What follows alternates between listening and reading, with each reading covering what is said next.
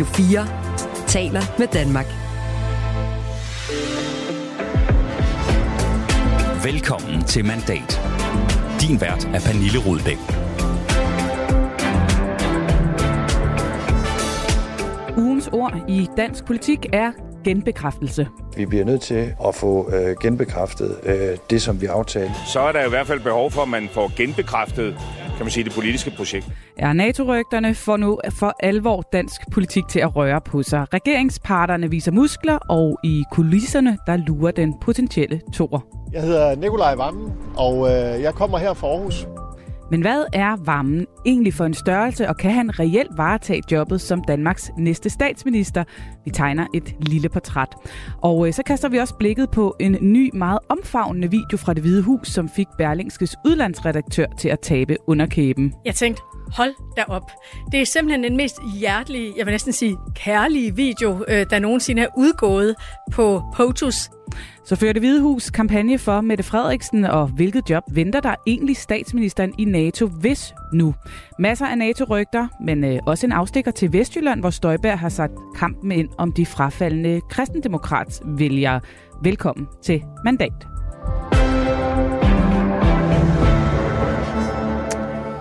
Nå, Thomas Larsen, om øh, hun får det der job, det ved ingen, men øh, vi er vel efterhånden der, hvor vi godt kan konkludere, at Mette Frederiksen er kandidat.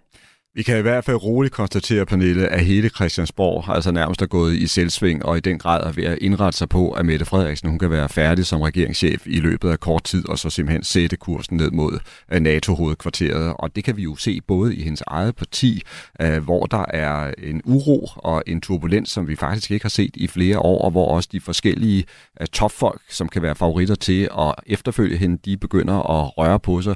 Og så kan vi jo også se det i regeringslejren, hvor både Venstre og Moderaterne Moderaterne også er begyndt at røre på sig. Og lad os øh, starte dagens udsendelse lige præcis der, for som du også siger, så bliver der lige nu talt om genbekræftelser, valg og mulige efterfølger. Først var det Lykke, der var ude grundlovsdag. Og så sagde jeg jo selv i valgkampen, at det handler om noget og ikke øh, nogen, og det noget er jo politik. Men det er klart, at der er jo nogen, der har sat sig bag den her øh, politik, ikke? Øh, og, øh, og det er klart, at hvis der pludselig bliver rykket rundt i den øh, personkreds, så er der i hvert fald behov for, at man får genbekræftet kan man sige, det politiske projekt. Ikke? Ja, den tykkede de måske så lige lidt på i venstrelejren, og så i går, så øh, havde Troels Lund Poulsen også et lille budskab til journalisterne her, der er det øh, over for TV2. Vi bliver nødt til øh, at sætte os ned og få øh, genbekræftet øh, det, som vi aftalte på, øh, på Marienborg. Det er så heller ikke nogen hemmelighed, at det er ikke fordi, at Venstre er på vej ud af regeringen. Øh, vi bekender os 100% til den her regering og synes, at vi har et godt og tillidsfuldt samarbejde med Socialdemokratiet og Moderaterne. Men man bliver selvfølgelig nødt til at sætte sig ned i det tilfælde af, at statsministeren ikke længere er, er statsminister, øh, og der potentielt kommer en anden, så bliver man jo nødt til at diskutere det. De vil begge to have genbekræftet SVM-samarbejdet. Hvad går det dog ud på? Ja, hvad går det ud på? Det er jo virkelig nøglespørgsmål. Man kan sige, øh, Lykke, han er jo i vanlig, øh, skal vi sige, løkkesk stil, kryptisk, og det vil sige, at hans udsagn, de kan tolkes i mange retninger. I realiteten, så kan det jo være alt fra, at man begynder at bytte rundt på ministerposter, og øh, simpelthen bytte rundt på selve magtfordelingen mellem partierne i regeringen. Det kan være et spørgsmål om, at det er nye politiske dagsordner, der skal skrives ind i, i regeringsgrundlaget. Men det kan måske også være lykkes måde at advare øh, Mette Frederiksens efterfølger om, at man skal ikke begynde at slække på de reformambitioner, der ligger i regeringsgrundlaget. Og jeg tror i virkeligheden, at det er det sidste, der er lykkes, kan man sige, ærne her, og det er også det, der er hans store frygt. For der skal vi jo huske på, at den her regering, den blev øh, skabt, den kom til verden under en massiv økonomisk krise, øh, og hvor hele grundlaget for den nye regering, det var, at den skulle tage modige beslutninger, som det blev sagt dengang, og skulle være klar til at lave reformer, der også gjorde ondt. I dag, der står vi så i en situation, hvor dansk økonomi har det altså ekstremt godt. Øh, økonomien er bumstærk, og hvor der så også er begyndt at komme et pres, både fra vælgere, men altså også fra øh, Socialdemokratiet, om at de her reformer, skulle vi ikke sætte tempoet lidt mm. ned, skulle vi ikke holde lidt tilbage der? Og det ønsker Lykke ikke. Så her er der allerede, kan man sige, konturen af en konflikt. Uh, Troels Lund Poulsen er jo faktisk mere præcis, uh, og det var ret... Ja, han lagde ikke uh, fingrene imellem. Han lagde ikke fingrene imellem, fordi det han i virkeligheden sagde, det var, at nu hvor dansk økonomi har det så godt, ja, så er det altså på tide at begynde at tale om skattelettelser for alvor. Så det var også en, øh, en hilsen til Socialdemokratiet om, at Venstre de vil sætte rigtig meget ind på at få lavet øh, nogle øh, skattelettelser. Så det er to øh, partiledere, der på den ene side ser en mulighed for at få åbnet for øh, regeringsgrundlaget øh, samarbejdet igen og, og få skruet lidt på, på nogle nuancer og nogle tyngder i det. Øh, Truls Lund Poulsen øjner muligheden for at, at hive nogle skattelettelser hjem, som øh, venstrevælgerne kunne blive glade for. Lars Lykke, er han øh, en presset mand i forhold til det, han siger her, eller er han også en politiker, der øjner muligheder? Jeg tror, man kan sige, med lykke, der er det altid både over. Det er begge, det er begge scenarier, vi taler om her.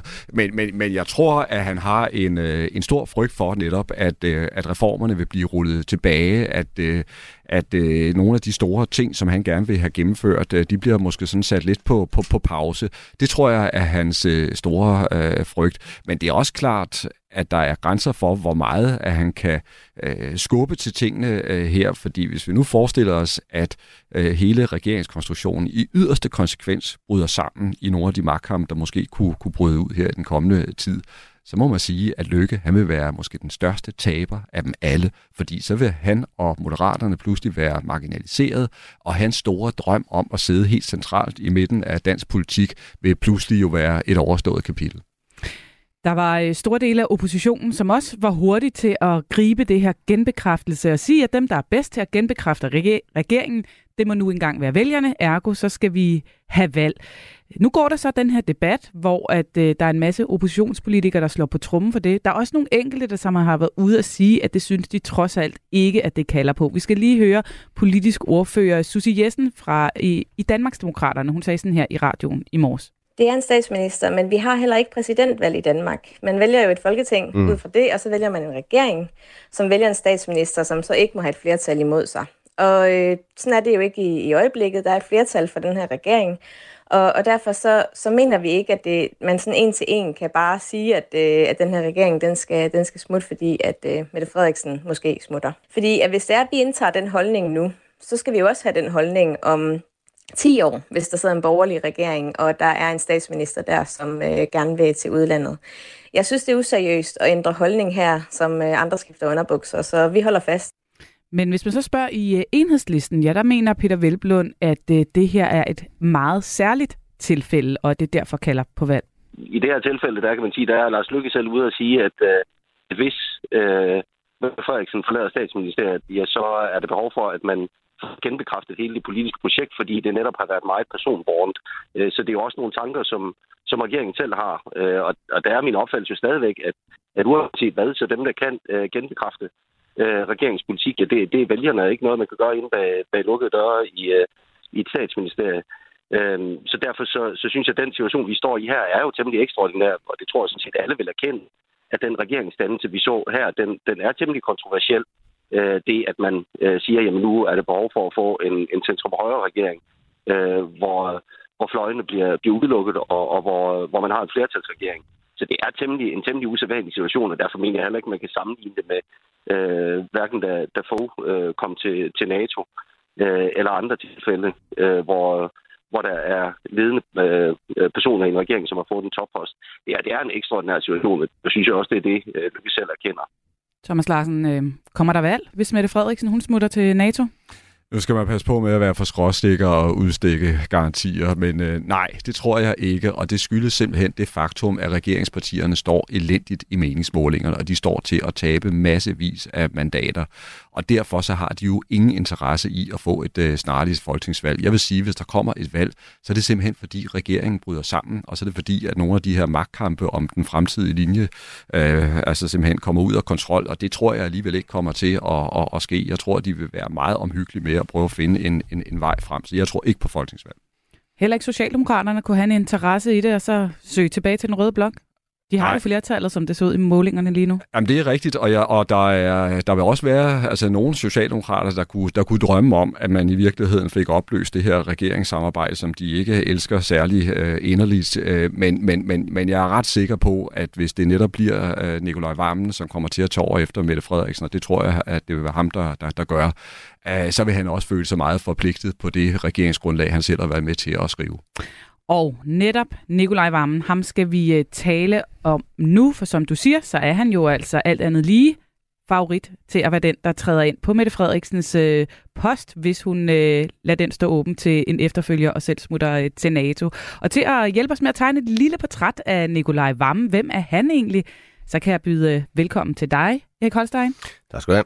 Politisk kommentator på Altinget. Øh, skal vi ikke bare rive plasteret af og høre, hvem er politikeren Nikolaj Vammen? ja. Altså, hvis vi starter på begyndelsen, så var han jo øh, en øh, meget populær borgmester i Aarhus, øh, en, en bykonge, øh, og han har også de kvaliteter, der skal til for at være en, en rigtig god borgmester. Altså, han øh, er en fremragende forhandler, han er rigtig god til at gøre alle øh, omkring sig godt tilpasse, øh, sørge for, at alle føler, de har fået noget i en forhandling. Øh, Øh, så det er ikke overraskende, at han er en øh, populær øh, borgmester. Og så tror han så ind i landspolitik øh, var han jo også øh, fra starten af at spille en vis rolle, har haft en, en karpeklub, øh, var en af de potentielle udfordrere til at tage over efter Helle thorning Schmidt, men altså øh, fandt ud af, okay, det ville så være Mette Frederiksen, den alliance, der var mellem Henrik Sass Larsen og Mette Frederiksen dengang var for stærk, den kunne han ikke bryde, og så fandt han sådan en anden position og fået et udmærket samarbejde med Mette Frederiksen.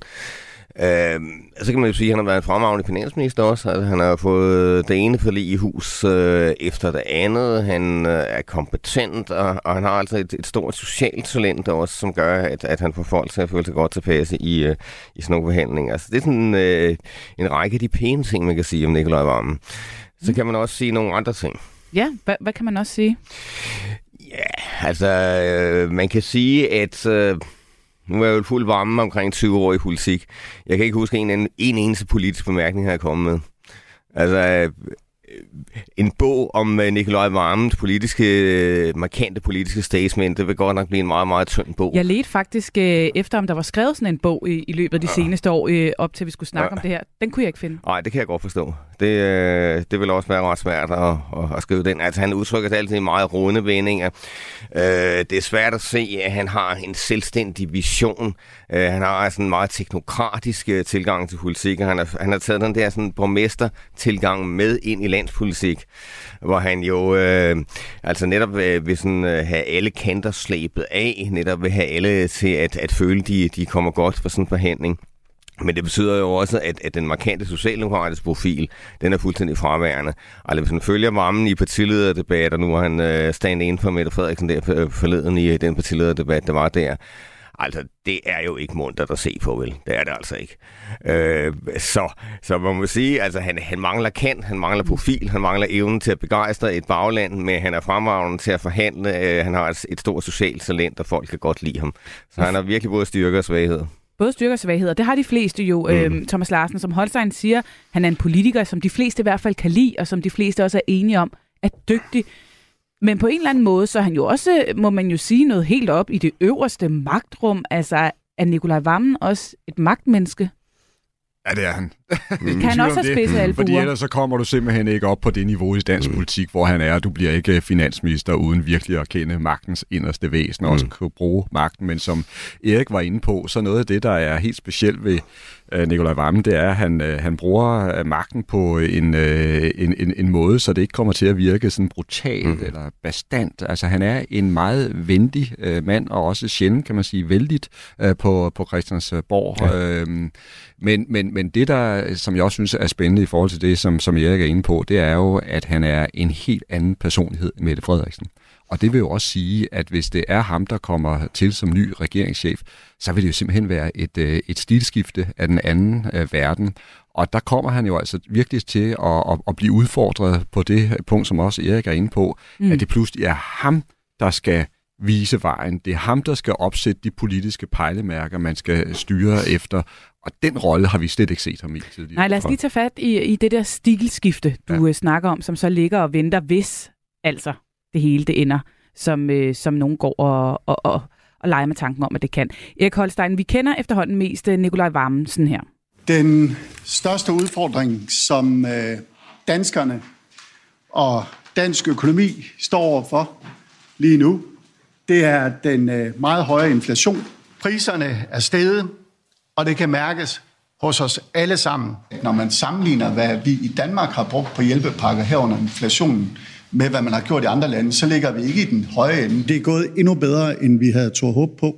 Ja, det er jo altså manden, der har styr på regneark, grafer, vores allesammens husbudget, men der skal så være et stilskifte, hvis han skal træde op på den der stol og kalde sig selv for, for statsminister. Hvad er det for et stilskifte, han skal ud i? Jamen, han skal jo kunne stå øh, for nogle visioner. Han skal jo øh, være markant. Altså, når han er en partilederdebat med, øh, med en støjbær, øh, med en øh, Pia Olsen Dyr, med, med alle de andre, så skal han jo øh, kunne hamre igennem og, og øh, altså sådan med, med næb og klør kunne forsvare de socialdemokratiske Så er det sådan meget en kommunikativ øh, stilskifte? Nej, det, nej det, er, det er også et spørgsmål om, øh, om øh, selve hans mindset. Altså, øh, altså Altså, varmen er øh, en mand, der ligesom kan have tingene til at, at, at glide. Øh, det er ikke en mand, der, der, der flytter øh, hegnspæle på nogen måde. Øh, så, så altså, han er lige præcis en utrolig anderledes politiker end Mette Frederiksen, der jo havde nogle meget klare visioner, og så kan man så kritisere hende for, at de visioner, de går nok skiftet en del gennem tiden. Ikke? Men, men, øh, men hun havde nogle klare visioner. Og i forhold til den, det regeringsarbejde, der er nu, som folk har meget svært med at se en dybere mening i øh, generelt. Man kan bare se på regeringens meningsmålinger. I forhold til det har selv en Mette Frederiksen svært ved at forklare, hvad det hele går ud på. Øh, hvis varmen så, som øh, det der teknokrat i han har bag sig, hvis han skal stå og ligesom repræsentere den regering, øh, så det det blive opfattet som øh, en ren teknokratregering. Øh, og det tror jeg altså vil være rigtig, rigtig skidt for Socialdemokraterne. Så jeg er enig med dig i, Thomas, at, at, at han er den sandsynlige, øh, eller hvad den mest sandsynlige efterfølger. Øh, men det er bestemt ikke uden problemer, hvis det ender sådan. Bestemt ikke uden problemer, Thomas Larsen. Tror du, han kan lave den forvandling, der skal til, for at, man, for at han kan slå igennem som statsminister? Vi har jo talt om det tidligere i programmet, og noget, som jeg har lært ved at jagtage politik gennem så mange år, det er, at det er så svært at spå om, når, når man skal op på den allerøverste stol i dansk politik, det vil sige det øjeblik, man mm. sætter sig på statsministerstolen. Vi har set nogen, der synes at være fuldstændig skabt til den rolle, og som var tordnende populære lige indtil de satte på stolen. For eksempel på Nyrup Rasmussen, ikke, som blev kåret som landets mest populære mm. politiker. Ja, så den mest sexede uh, politiker ja, ja, i landet. Alle elskede ham der, da han blev ny socialdemokrat, uh, socialdemokratisk formand. Og så havde han bare så svært ved at finde rollen, da han endelig altså blev statsminister. Og omvendt så har vi også talt om en uh, Poul Slytter, den konservative statsminister, som var fuldstændig undervurderet, inden han kom til, og så jo i virkeligheden altså blev siddende i over øh, 10 år. Og, og, og hvordan det kommer til at gå mm. øh, med, med varmen, det, det er meget svært at, at sige, Pernille, men det jeg bare vil sige, det er, at det er en ekstremt vanskelig opgave, fordi udover at han skal prøve at profilere Socialdemokratiet, som Erik er inde på, så skal han også holde sammen på en regering, som tydeligvis ikke hænger så godt sammen længere, og hvor magtkampen er ved at komme til syne. Altså det, at Troels Lund Poulsen nu går ud og lægger så meget vægt på, at Venstre vil have skattelettelser, mm. det er jo ikke noget, som øh, hovedparten af Socialdemokratiet sidder og drømmer om. Lige nu ved ingen, hvad der kommer til at ske, men alle forbereder sig på alt, og øh, vi skal lige prøve at høre et øh, klip med øh, den tidligere venstrerådgiver øh, Steffen Hjaltelin, som var med dengang øh, Anders Fogh han røg til NATO, og hvor han var med i de inderste cirkler i forberedelsen af, hvordan man skulle øh, køre Lars Lykke i stilling til at tage over som øh, statsminister. Og jeg oplevede det simpelthen i praksis ved, at Claus Hjort Frederiksen ringede til mig og sagde, at øh, det ser ud som, det godt kan være den vej, det går. Øh, vi skal have fundet ud af, hvordan øh, det skal ske. Og så var vi en meget lille gruppe, hvor Søs Marie Seup også var, som, øh, som skulle øh, forberede, hvordan det skulle ske. Og, og herunder særligt, det jeg kom til at arbejde særligt med, det var, hvad bliver så historien for Lars Lykke? Altså, hvordan er det, Lars Lykke han går ind i det her? Øh, og det er jo, der, der skal sidde nogen nu, og det vil jeg gætte på er i gang allerede nu, er Vammens nærmest rådgiver, ellers er det med at få dem i gang, her Vammen, øh, med at finde ud af, hvad er det, hvordan er det, man kommunikerer det her? Og det kan jo gøres på flere måder. Øh, man kan gå selvsikkert ud og sige, at, øh, at jeg har erfaring til det Hvis her. Han jeg skal være statsminister. Hvis han skal være statsminister. Ja. Det er jo ligesom den, altså lige nu taler vi om, at hun måske går væk, og om om, øh, om tre uger, så taler vi kun om én ting, det er, hvem der bliver den nye statsminister. Og jeg kan næsten ikke, altså måske har folk glemt, hvor stor opmærksomhed der var på Lars Løkke dengang, ja. hvor, hvor det begyndte at være, øh, der var så ikke andre kandidater, kan man sige, men hvor enorm opmærksomhed der lige pludselig kom på Lars Løkke. Øh, projektøren ændrer sig simpelthen, og lige mm. pludselig så bliver den, den siddende statsminister øh, mindre interessant. Anders Fogh var mindre interessant øh, på det tidspunkt. Fra det øjeblik, man melder det ud? Fra det, fra, fra, alle, fra det øjeblik, hvor, hvor, hvor rygterne intensiveres, hvor man tænker, at det er mere sandsynligt mm. end ikke sandsynligt, så, så det journalisterne interesserer sig i, det er lige pludselig det, som kun er den infære, eller sekundære historie lige nu, nemlig Varmen eller Hummengård og så videre, men det bliver den primære historie. Ja, sådan sagde Steffen Hjaltelin altså i vores andet politiske magasin Eksperimentet øh, på midten i tirsdags, øh, Thomas Larsen. Lige om lidt, så vender projektørerne, så siger Steffen Hjaltelin i hvert fald. Er Varmen klar til det? Ja, det tror jeg, han er, fordi han er virkelig en øh, dreven og erfaren toppolitiker, altså som vi allerede har været inde på i, i, i det i løbet af programmet. Han har stort set haft alle betydende politiske poster i løbet af sin lange karriere, så på den måde så har han et politisk CV, der gør, at han er så meget klar til at træde op på det, det allerøverste øh, trin. Men det er en meget, meget svær overgang, og hvis jeg også bare lige må dvæle et sekund ved situationen med, med, med Lykke, da Anders Fogh Rasmussen han røg til NATO, så gik det jo ikke særlig godt for Lykke. Det skal vi lige huske på. Den overgang, den var rigtig, rigtig svært, og det, det endte med, det var jo rent faktisk, at Lykke han tabte efterfølgende valg. Det lykkedes ikke ham at profilere sig som den nye samlende regeringschef, og det bliver også ekstremt svært for Nicolai Vammen. Dels så skal han efterfølge en, en utrolig markant synlig, altså på godt og ondt, statsminister i skikkelse af, af Mette Frederiksen, og dels så skal han prøve at holde balancen mellem sit eget parti, Socialdemokratiet, og så både Moderaterne og Venstre, som jeg tror vil prøve at føre sig frem med, med, med stadig større styrke, altså i de forhandlinger, der kommer om, hvordan regeringen skal køre videre. Det er en vanvittig svær mm. opgave. Nu øh, sagde du før, øh, Erik Holstein, at varmen jo nok er den mest sandsynlige mm. kandidat, men der bliver også talt internt i Socialdemokratiet, kan man øh, læse i diverse aviser lige nu. Der bliver nævnt navne som Peter Hummelgaard blandt andet. Hvordan ser du det spil? Er det helt afgjort, at det bliver Nikolaj Vammen, hvis og i fald, at hun øh, ryger sted? Eller øh, kan der også ske andre ting? Det er ikke helt afgjort. Øh, det komplicerer det selvfølgelig yderligere, hvis vi, kigger på den der parallel til Lykke også. Der var ingen tvivl om, at det var et Lykke, der skulle efterfølge få. Altså få havde i ham selv sagt, at det er manden. Mm.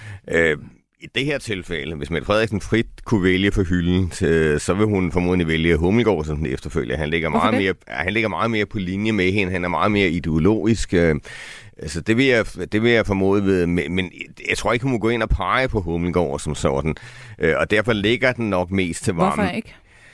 Ah, fordi altså, hvis hun er på vej ud, altså det, det, øh, der vil man nok lade det være op til øh, den folketingsgruppe, der er der, og frem for alt måske også til, øh, til en uafstemning. Altså, øh, altså, der, altså, grunden til, at det er lidt usikkert, hvad der kommer til at ske, det er jo, man kan sige, hvis, hvis Hummelgaard og Varmen kan finde en anden fornuftig magtdeling. Så kan man sagtens forestille sig, at varmen kommer til, og så er der sådan en aftale om, at Hummelgaard skal tage over efter ham igen, og øh, de kan, Hummelgaard kan blive ny finansminister. Men hvis der er varmefløjen kører for meget frem øh, i, i samarbejde med, med Bødskov, gør ham til finansminister, og Hummelgaard-fløjen øh, føler sig meget utilfreds med, med, hvad der kommer til at ske, så kan de jo få en uafstemning op at stå. Mm. Og hvad der sker i en uafstemning er altså fuldstændig uh, uforudsigeligt. Altså, jeg selv kom meget galt af sted, hvor jeg for, uh, forsøgt at foregribe resultaterne af partiernes uafstemninger.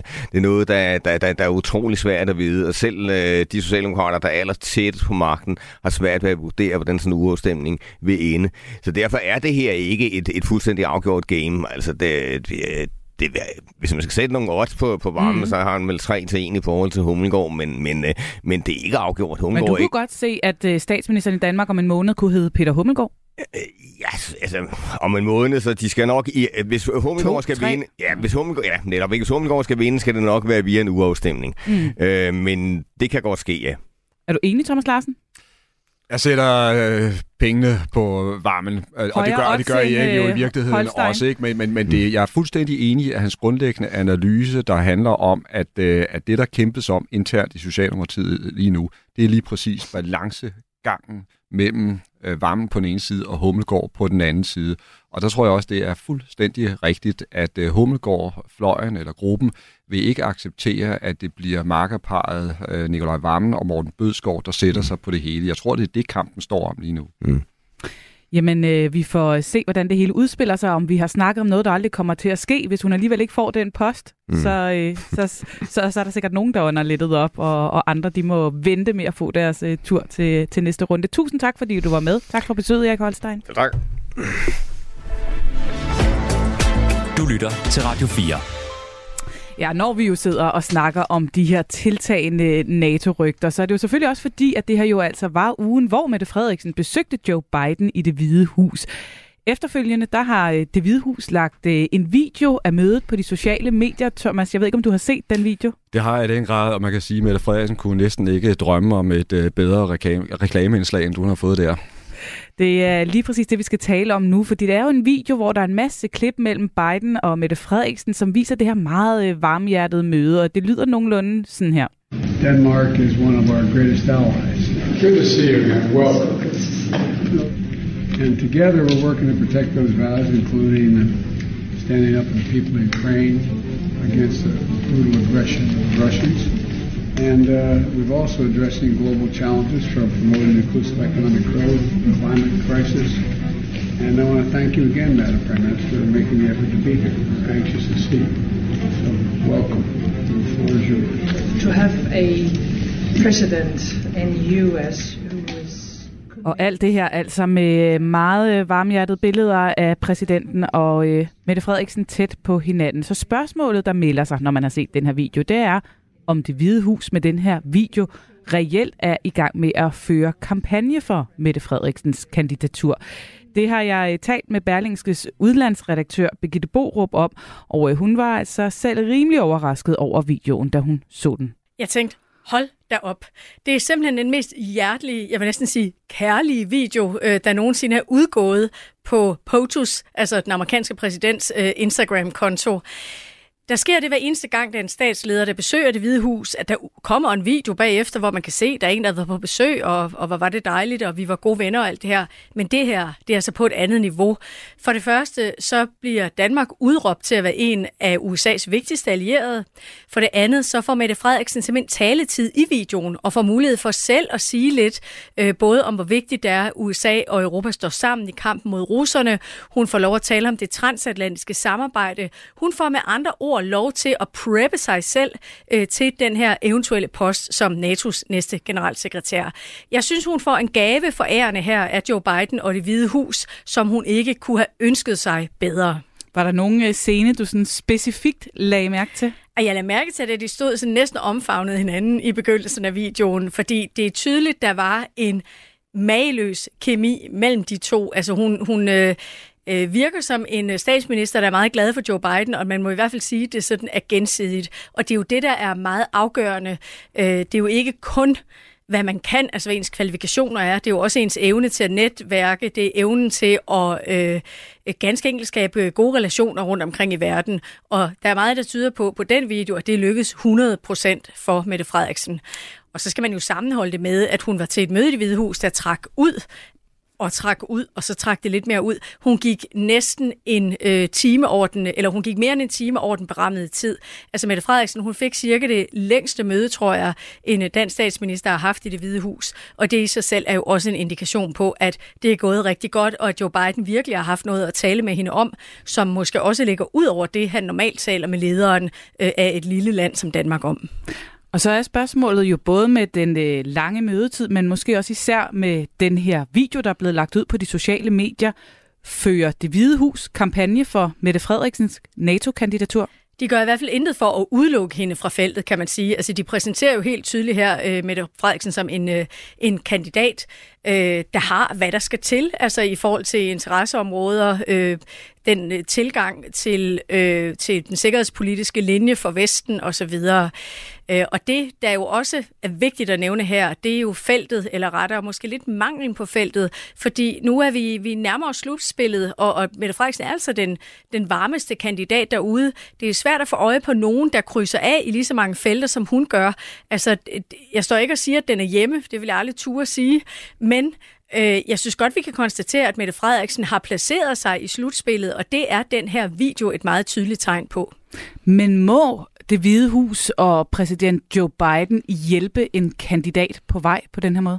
Ja, det, det ser jeg intet i vejen for. Altså i sidste ende er det jo øh, USA som det absolut største og vigtigste NATO-land, øh, og dermed også præsident Joe Biden, der er en, en meget væsentlig stemme i forhold til, hvem der bliver NATO's næste generalsekretær. Der skal være enighed mellem landene, det er klart, men man kommer ingen vegne uden at have USA's blåstempling.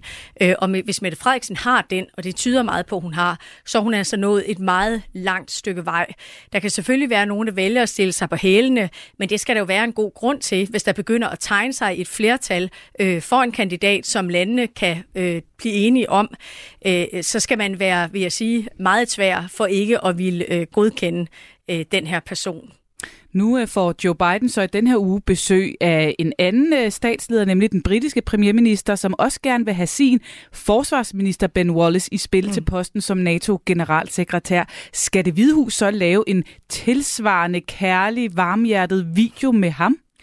Det tror jeg faktisk, det det kommer til at ske. Altså Rishi Sunak, som besøger det hvide hus, får en langt mere fornem øh, oplevelse, end øh, Mette Frederiksen fik. Han kommer med på sådan forskellige former for udflugter. Han skal med og se en baseballkamp. Han skal øh, sove i, i overnatte i Blair House, som er det hvide hus officielle gæstehus. Så han får en varmere behandling, og det gør han ganske enkelt, fordi at Storbritannien er et stort og vigtigt land. Det er en meget vigtig og nær allieret øh, for USA. Men derfra og så til, at Rishi Sunak får held til at sælge øh, Ben Wallace som ny NATO-generalsekretær, der er et stykke vej. Der er flere ting, der taler imod Ben Wallace end Mette Frederiksen. Det ene er, at han er forsvarsminister og ikke statsminister. Han er ikke statsleder, og det tyder meget på, at man gerne vil have også denne gang, ligesom Stoltenbergers få var statsleder. Det andet er, at han øh, er mand. Øh, der er en øh, konsensus, lader det til, om, at det kunne være en god idé denne gang med en kvinde. Og så er det et meget vigtigt punkt, og det er, at Storbritannien ikke længere er medlem af EU. Øh, især Frankrig er meget optaget af,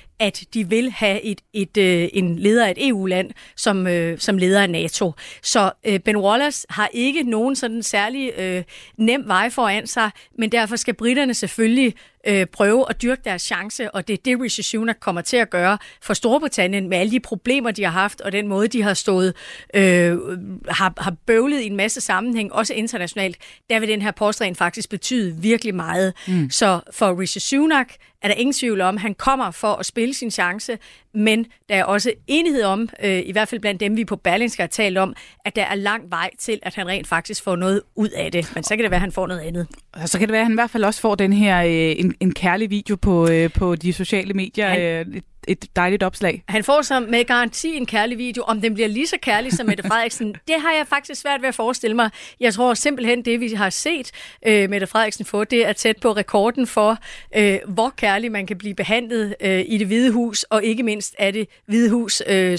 social media team, som har siddet og klippet den her video sammen efterfølgende. Det er meget overstrømmende, og det skal vi selvfølgelig være glade for i Danmark. Der er ingen tvivl. Ingen, der har set den video, der kan være i tvivl om, at vi i Danmark i hvert fald er populære i det hvide hus. Ja, vi er åbenbart populære i det hvide hus. Øh, hun kunne dårligt have ønsket sig det bedre. Øh, Mette Frederiksen sagde altså her øh, udlandsredaktør på Berlingske, Birgitte Borup. Men hvad er det så egentlig for et job, som Mette Frederiksen måske kan ende med at få. Det ved Carsten Søndergaard, som er tidligere NATO-ambassadør under få, og i dag sidder det udenrigspolitiske udenrigspolitiske selskab alt om. Jeg har spurgt ham, øh, hvad der egentlig ligger på øh, to-do-listen for den kommende NATO-generalsekretær. Øverst i bunken ligger Rusland og Ukraine. Dernæst ligger der øh, en anden og mere ligelig byrdefordeling mellem Europa og USA. Europa skal løfte mere. USA forventer, at Europa løfter mere. Dernæst så skal uh, trusselsbilledet justeres hele tiden. Asien er på vej op. Uh, Kina øh, er nu nævnt i, i det strategiske koncept for NATO, så og alliancen er opmærksom på det. Men der er cyber, der er beskyttelse af infrastruktur, der er hvad medfører det stigende migrationspres mod Sydeuropa? Hvad medfører det af sikkerhedspolitiske udfordringer, ustabilitet osv.? Så listen er lang, og den kan sagtens forlænges. Ja, opgaver er der i hvert fald øh, nok af at tage fat på for den øh, kommende generalsekretær. Men øh, en del af opgaverne, en anden del af kvalifikationerne. Hvad er det egentlig, den her kommende NATO-generalsekretær skulle kunne? Ifølge Carsten Søndergaard, så er det i hvert fald ikke nogen ulempe, hvis den kommende NATO-generalsekretær har statsminister på sit CV. Generalsekretærens opgave er at have en løbende dialog med øh, medlemslandene Og indimellem skal han også kunne sige til et medlemsland, at der ligger jeres holdning forkert. Og det skal helst siges på en måde, så rette vedkommende i det pågældende land forstår, at det nu også er en forkert. En vanskelig position, han har. Den skal justeres, og, og det kræver politisk kraft. Og der kan det være en fordel, man har siddet allerøverst som statsleder. Jeg vil sige det på den måde. Der vil nok være en fordel, hvis alle mener, at vedkommende, der bliver lyttet øh, til, hvad vedkommende siger. Og der er gennemslagskraft øh, i, i, i argumentationen. Ja, Thomas Larsen, øh, du kender Mette Frederiksen ret indgående. Du har skrevet en hel bog om hende. Har hun det, der skal til for at varetage det her job? Man jo først, når hun sidder i, øh, i stolen. Det er det afgørende øh, øjeblik, kan man sige. Men, men det er klart, ser vi på hendes politiske CV, så har hun jo altså prøvet stort set alt i, øh, i, i toppolitik og har en, en, en kæmpe erfaring. Øh, det gælder ikke bare i indrigspolitikken, det gælder faktisk også i, øh, i udenrigspolitikken, hvor hun øh, på rekordtid har været i stand til at få skabt et meget øh, stærkt forhold til mange af statsregeringscheferne i Europa, og som vi også lige har set, altså også har været øh, i stand til at, at få skabt en fortrolighed i forhold til, til Joe Joe øh, Biden.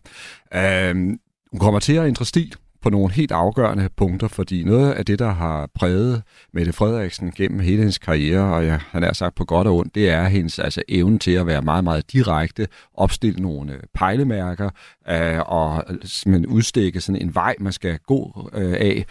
Og det har hun nogle gange gjort sådan ret enhændigt, uden at tage alt for mange med på, på, på råd. Og der må man sige, når hun skal sidde som, øh, som generalsekretær, så hvis det, hvis det ender med, at, at det kommer til at ske, så skal hun på en helt anden måde også være i stand til at lytte, tage bestik af, hvad de andre mener. Hun skal i langt højere grad være øh, diplomat, end hun skal være sådan en, en, en udadvendt øh, chef, der selv sætter linjen og, og, og kursen. Men jeg tror på den anden side, at hun er så øh, dreven, at hun godt kan lave det øh, stilskifte. Og her er det jo i virkeligheden også interessant at, at, at sammenligne hende med, med, med forgængeren på posten af Anders Fogh Rasmussen, fordi i dansk politik var han jo også en, der var meget, meget direkte, satte en klar kurs og blev på mange måder også rost og berømmet for sin evne til at, at kommunikere her meget øh, direkte, igen på godt og ondt. Ikke? Men, men, øh, men i samme øjeblik, han blev generalsekretær øh, for NATO, så vidste han jo også godt, at det var et andet game, han var i, og nu handlede det om at skabe konsensus, og det handlede om, at han skulle agere på vegne af fællesskabet. Det er jo et øh, højspændt tidspunkt, hun øh, i givet fald måtte overtage den her post på. Øh, nogen vil måske ryste lidt på hånden over at skulle stå der head-to-head med selveste Putin. Øh, der er rigtig meget på spil i forhold til hele verdensfreden. Øh, ryster Mette Frederiksen på hånden? I hvert fald kun en meget lille smule. Øh, det var interessant, at da hun var i det hvide hus, der kunne man godt se, at hun var lidt påvirket af situationen, og måske var en smule øh, nervøs. Men der hørte så også med til historien, det at komme til det hvide hus i Washington og møde verdens mægtigste øh, mand. Øh, det er overvældende for de fleste. Altså alle, der kommer der, de mærker den særlige aura, der er på, øh, på, på, på stedet. Men øh, bortset fra det, så vil jeg sige, hun er altså både så ambitiøs, så, så, så dreven, har så stor selvtillid, så jeg godt kan se hende altså glide ind på posten uden at være øh, svækket af, af, af nerver, hvad der selvfølgelig ikke går, fordi du skal virkelig være klar til at træde op på den helt store øh, globale øh, scene, øh, hvis du får den øh, post. Altså, og som vi også hørte før, det er en, øh, vi er i en tid, desværre, øh, hvor generalsekretæren kommer til at skulle håndtere nogle enorme konflikter øh, i verden. Først og fremmest selvfølgelig øh, i forhold til, til, til krigen i Ukraine, men jo altså også i forhold til de massive spændinger, der er mellem USA og Kina. Med SVM-regeringen er de politiske blokke sprængt i småstykker. Det er jo nu toget kører i forhold til at træffe svære beslutninger. Og gamle ærkefjender er blevet til regeringskollegaer. Der må virkelig være nogle venstrefolk, der sidder med en mærkelig smag i munden. Hver uge samler Radio 4 de mest erfarne toppolitikere og rådgivere i eksperimentet på midten. Det bliver sindssygt interessant at følge også. Lyt med i Radio 4's app, eller der, hvor du lytter til podcast. Radio 4 taler med Danmark. Og lige nu, der er vi i gang med vores politiske magasin Mandat. I studiet er politisk redaktør Thomas Larsen, og jeg hedder Pernille Rudbæk. Og øh, nu skal vi vende os mod en anden partileder, som også har sat kampen ind. Ikke for en øh, NATO-post, men derimod for en masse jyske stemmer. Velkommen til Valdemar Osted. Hej. Du er jo øh, vores ekspert ud i politisk annoncering på nettet, så er du også konsulent i Common Consultancy, hvor I arbejder netop med sociale medier. Du er faldet over en annonce fra Inger Støjberg. En øh, annonce, der kører på de sociale medier, som har vagt din opmærksomhed. Hvad er det, du faldet over? Ja, altså jeg sad jo og kiggede lidt på, hvordan politikerne ser nu i sådan lidt en, der er lidt lang tid til valget og sådan noget, og så faldt jeg egentlig over, at Inger Støjberg, der ikke har annonceret sådan voldsomt meget, er begyndt at annoncere ret meget, eller relativt meget i forhold til de andre partier, og der faldt jeg særligt over en annonce, som, nu læser jeg bare lige højt. Venstres ligestillingsminister foreslår nu, at unge helt ned til 15 år skal kunne få en abort, uden at deres forældre ved det. Jeg synes godt nok, at det er dybt forkert at lade børn stå alene med den tunge beslutning. Selvfølgelig skal forældre vide, når deres 15-årige får en abort. Citat slut. Og så er der så et billede af Inger Støjberg, der kigger mm. ind i kameraet, og så står der ligesom sådan et citat, hvor der står, selvfølgelig skal forældrene vide, når deres 15-årige får en abort. Og hvad er det så for en, en type annonce, du har faldet jo... over her? Ja, altså det, det der så er særlig interessant med den er, at den, ikke har, den ligger ikke på hendes Facebook-væg, men at det er en, det, man kalder en dark post. Og øh, hvis man lige skal forklare en dark post, så er det så en annonce, som kun kører ud til en målgruppe, som Inger Støjberg har valgt. Um, så øh, vi kunne ikke se den ved at gå ind på hendes Facebook-side, men vi kunne godt, men dem, der så bor i det område, hun har valgt, og ud fra de kriterier, hun har valgt, øh, kan så se den. Og det er jo rigtig interessant for politiske kommunikatører, fordi de får mulighed for at kommunikere segmenteret.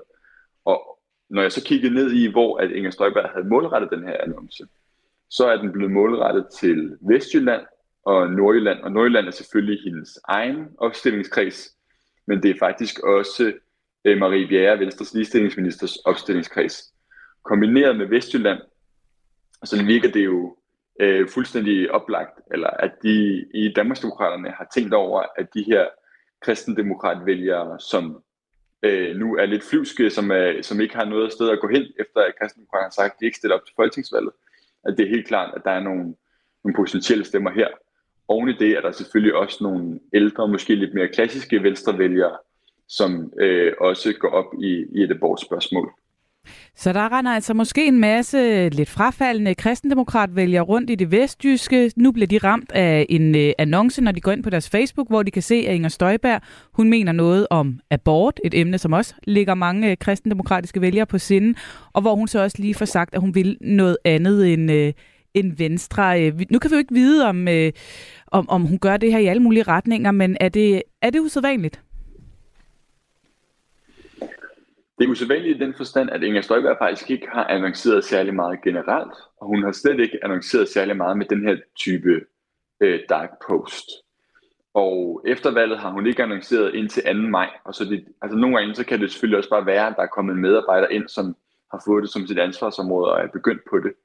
Men det er klart, at der også var en vis element af, at alle partierne skulle lidt slikke sårene efter et ret vildt politisk år sidste år med, med i virkeligheden tre valg inden for et år, både øh, arbejdsmæssigt, men også øh, pengemæssigt. Og det er nu, det ligesom, at partierne begynder at komme lidt ovenpå igen, og at man begynder at få styr på budgetterne, og så er det selvfølgelig interessant, at Inger Støjberg er begyndt at kommunikere på den her segmenterede måde, som hun faktisk ikke har gjort så særlig meget i tidligere. Og virker det så, Valdemar Osted? Det er det store spørgsmål. Jeg tror ikke, det er første gang, øh, du, du spørger mig om det. Og det der, det der er det store, det der er sjovt og spændende, det er jo, at øh, hvis vi kigger på sociale medier, og om du, det er ligesom, når du får mange likes, kommentarer eller delinger, virker det altid. Ikke nødvendigvis. Men der er også ikke nogen tvivl om, at Inger Støjberg har øh, fået et så godt valg, fordi hun er så god på Facebook.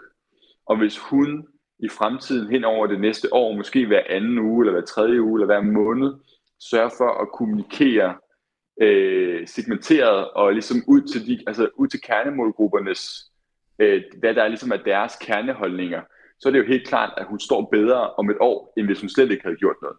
Så det kan være svært at måle på, om det virker, men hvis man tænker på det helt intuitivt, så, så burde det virke. Hun håber nok, det virker. Øh, tak for at være med, Valdemar Osted. Selv tak. Ha' en god dag. I lige måde. Nå, Thomas Larsen, kampen om de frafaldende kristendemokrater i Vestjylland og øh, dem, der måske går lidt utilfreds med Venstre i Nordjylland, er sat ind fra øh, Inger Støjbergs side. Kan hun vinde den kamp, eller hvad kan hun få ud af det, vurderer du? Jeg tror i hvert fald, at man skal starte med at, øh, at slå fast, at hun har et rigtig godt øh, udgangspunkt, og det øh, skyldes øh, to ting. Øh, for det første, så er kristendemokraterne i, øh, i gang med sådan en, en transformation. Øh, de har fået en øh, ny leder i spidsen. Han vil gerne forsøge at, øh, at modernisere partiet og gøre det mere progressivt, kan man sige. Og det kan jo også være klogt nok, hvis man gerne vil ud og prøve at få fat i nye vælgergrupper. Faren er jo selvfølgelig, at man støder nogle af de gamle fra sig, og det vil sige, det er det, der er den store, store risiko for kristendemokraterne, lige der, hvor de står nu. Og der kan Inger Støjberg så komme ind og i virkeligheden være et alternativ. Hun kan være en, som nogen øh, vælgere, der tidligere har stemt på kristendemokraterne, vil begynde at, at, at kigge på. Så der er en mulighed, og den anden mulighed, det handler jo selvfølgelig om, at Venstre stadigvæk er meget svækket som øh, parti. Og nu ved vi, at øh, Jakob Ellemann Jensen, han er på vej tilbage. Han kommer tilbage til Christiansborg 1. august. Og det kan være, at det bliver en succes. Det kan være, at han formår at løfte øh, Venstre og træde i karakter som, som, som formand og virkelig lægge den her sygdomsperiode bag sig. Men det siger jo også sig selv, at hvis det modsatte er tilfældet, hvis det ikke lykkes, og hvis øh, ikke mindst baglandet i, i Jylland ikke synes, at han gør det godt nok, så får Inger Støjberg en enestående chance for at komme ind og appellere til nogle af de venstrefolk, der stadigvæk hænger fast, men måske er i tvivl om, hvor længe de vil blive ved med at gøre det. Og jeg tror i virkeligheden, at også man skal se det her som Inger Støjbergs meget målbevidste forberedelse af næste kommunalvalgkamp. Så er det her i virkeligheden en kamp øh, mod kristendemokraterne, eller faktisk mere en kamp mod Venstre? Først og fremmest mod Venstre, fordi potentialet er meget større der. Altså sandheden er jo og, omkring kristendemokraterne, at det er et øh, parti, der har været øh, ekstremt nødlidende i mange år, som har svært ved at få fat i, i, i vælgerne, og derfor så er der heller ikke så mange trods alt at, at, at gå efter der, altså når set med Inger Støjbergs øjne. Du lytter til Mandat på Radio 4. Ja, og øh, her de sidste knap 10 minutter, der når vi altså lige en øh, hurtig afstikker til Bruxelles, hvor der også er en kamp i gang. Den øh, foregår i det konservative Folkeparti. Konservative, de vil gerne have Pernille Weiss, deres repræsentant øh, dernede i Europaparlamentet, til at, at forlade sin post, og de vil i hvert fald ikke have, at hun genopstiller som spidskandidat kandidat ved øh, næste Europaparlamentsvalg, som øh, kommer til at foregå næste forår. Det har de sagt, efter der er blevet lavet en undersøgelse af arbejdsmiljøet omkring hende, og som har vist, at øh, flere medarbejdere fortæller, at det har været ubehageligt at være en del af det arbejdsmiljø. Men så i den her uge var øh, Pernille Weiss selv øh, i fokus, da hun øh, var i TV2-programmet TV2 Libert, og hvor hun sagde, at hun nægter at trække sig, som den konservative ledelse ellers har opfordret hende til. Altså formålet ved at blive partiet er, at jeg er konservativ. Jeg kan ikke være andre steder. Øh, og det konservative Folkeparti har jeg oplevet, som sagt, igennem 40 år, både i opgangstider og nedgangstider. Og øh, sådan er det. Og på den anden side, der stod formand Søren Pape Poulsen over for TV2 og sagde sådan her.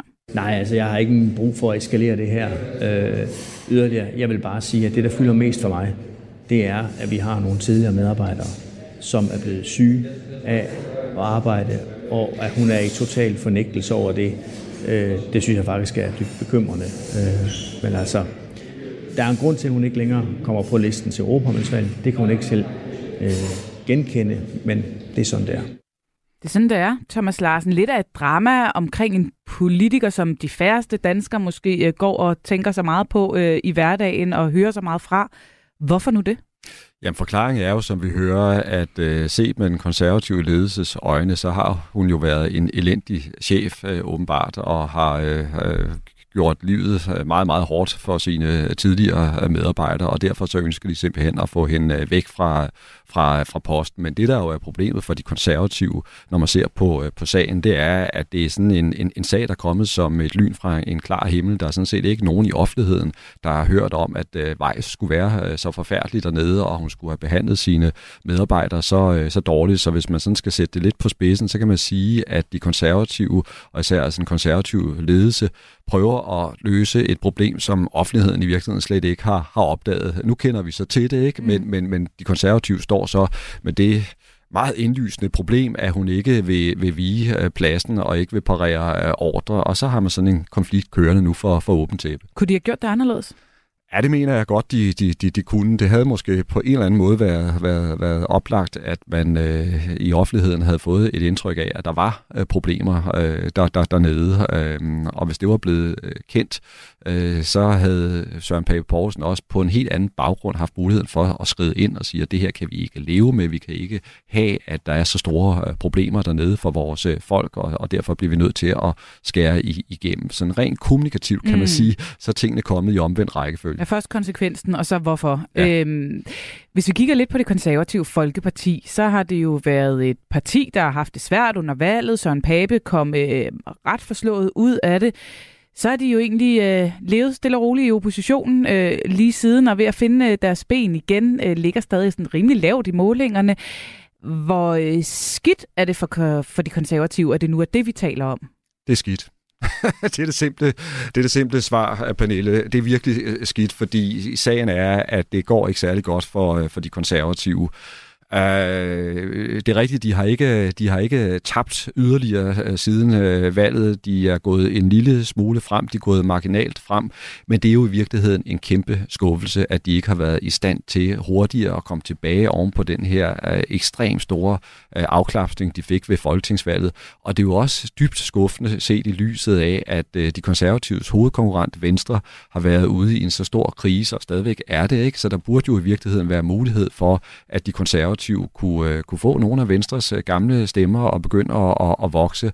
Og der må man bare konstatere, at øh, de konservative har ikke været i stand til at klare sig i konkurrencen med ikke mindst Liberale Alliance, men jo også Danmarks Demokraterne så på den måde, så ligger der stadigvæk et ret stort pres på Søren øh, Pape Poulsens øh, skuldre, og hvis der var noget, han havde brug for nu, så var det, at han kunne komme til at blive kendt øh, som en mand, der begynder at lægge politik frem, og som deltager for alvor i, i det politiske liv på Christiansborg. Og nu får vi i stedet for sådan en, en, en personsag, som øh, viser, at der er uro øh, på de indre linjer i partiet, og som jo også et eller andet sted viser, at øh, Søren Pape Poulsen, ja, han kan godt skære igennem, og han kan godt øh, proklamere, at hun mm. ikke skal være øh, ny øh, spidskandidat, men, men konflikten kører, altså den kan han ikke stoppe. Og hvor ender det?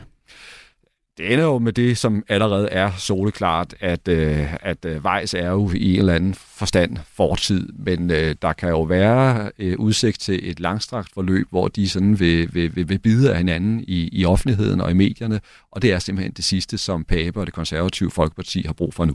Så hvad, hvad skal Søren Pape Poulsen gøre for, at det her det ikke kommer til at sætte sig som en trælsplet på, på den der skulder, han prøver at få ren igen? Altså, han skal nok prøve at, at, at undgå at komme ind i flere sådan verbale øh, kampe med, med, med, med Vejs, fordi det vil i virkeligheden øh, vise, at han står sådan lidt som øh, øh, en, en, en mand, der ikke, der ikke kan løse den her øh, konflikt. Og så skal han altså netop til at, at komme i gang med for alvor og, og fremlægge noget konservativ øh, politik øh, og være mere synlig på Christiansborg det må man så sige retfærdigvis, at det er han også begyndt på. Altså som nogen måske også har lagt øh, mærke til, så har han blandt andet lavet sådan et nyt øh, alliancesamarbejde med, med Liberal Alliance øh, i skikkelse af Alex Vanopslag, og har også arbejdet tættere sammen med øh, de radikale og Martin Lidegaard, den radikale leder, og de har præsenteret sådan forskellige øh, reformforslag. Så julene er begyndt mm. at komme i gang, mm. men det vil også være rigtigt at sige, at det går godt nok langsomt. Radio 4 taler med Danmark. Vi øh, når ikke meget mere mandat i i, øh, i den her udsendelse, men øh, endnu en politisk uge venter, øh, Thomas Larsen. Øhm, hvad, hvad, hvad holder du øje med det? Det er fuldstændig soleklart, at den altafgørende historie i dansk politik, ja, det er den, vi har fat på i den her udgave af mandat, nemlig om Mette Frederiksen er på vej til udlandet eller ej. Og derfor så bliver det også rigtig interessant at følge, hvordan altså, øh, Socialdemokratiet vil reagere, øh, om vi vil se endnu mere tydelige magtkampe, end der allerede er udsigt til. Og det bliver også interessant at se, om øh, Venstre og Moderaterne de vil begynde sådan at markere sig yderligere i forhold til den retning, som de vil have, at regeringen skal følge øh, fremover det er det alt dominerende tema i dansk ja, politik. Man kan næsten læse, at de her kaffeklubber, de rører på sig time øh, for time. Øh, kan det gå hen og blive et øh, problem? Altså, det er som om, at øh, det er svært at snakke politik lige for tiden. Jamen det er det, og jeg tror på den måde, så er dansk politik vel i en eller anden forstand også sat på standby, indtil det her er afgjort. Vi øh, følger alligevel med i den der standby-periode, alt hvad vi kan, fordi øh, selvom du siger, der er standby eller vakuum, så, øh, så er det også ganske interessant at, at se på alle de magtkampe, der udspiller sig lige nu. Vi er tilbage igen om en uge næste torsdag, og øh, når vi er det, så er det jo i en øh, lidt særlig udgave, fordi vi sender nemlig live fra Folkemødet på øh, Bornholm. Ligesom mange andre programmer her på kanalen, så rykker vi nemlig øh, mod øst øh, for at være der, hvor alle politikerne jo også er. Alle partiledere stort set øh, rejser nemlig også til Bornholm, og øh, vi glæder os til at lave øh, vores øh, politiske magasin, både Mandat og Eksperimentet på midten, og både det blå og det røde hjørne fra netop Bornholm øh, om en uges tid. Vi øh, får blandt andet besøg af Folketingets formand Søren Gade i Mandat og skal tale lidt om den øh, politiske sæson, der er gået. Det glæder jeg mig til, og jeg håber, at øh, du vil lytte med. Og indtil da, så er der selvfølgelig også god mulighed for at holde dig opdateret på dansk politik her på kanalen hver eneste dag kl. 11.05 øh, til 12, eller du kan bare hoppe ind i Radio 4's app og gå på øh, opdagelse i det hele. I morgen der inviterer Kasper Dahl indenfor i det blå hjørne, og der er lagt op til den helt store debat om skærme. Det skal nok blive interessant. Ha' det godt. Du har lyttet til en podcast fra Radio 4. Find flere episoder i vores app, eller der, hvor du lytter til podcast. Radio 4 taler med Danmark.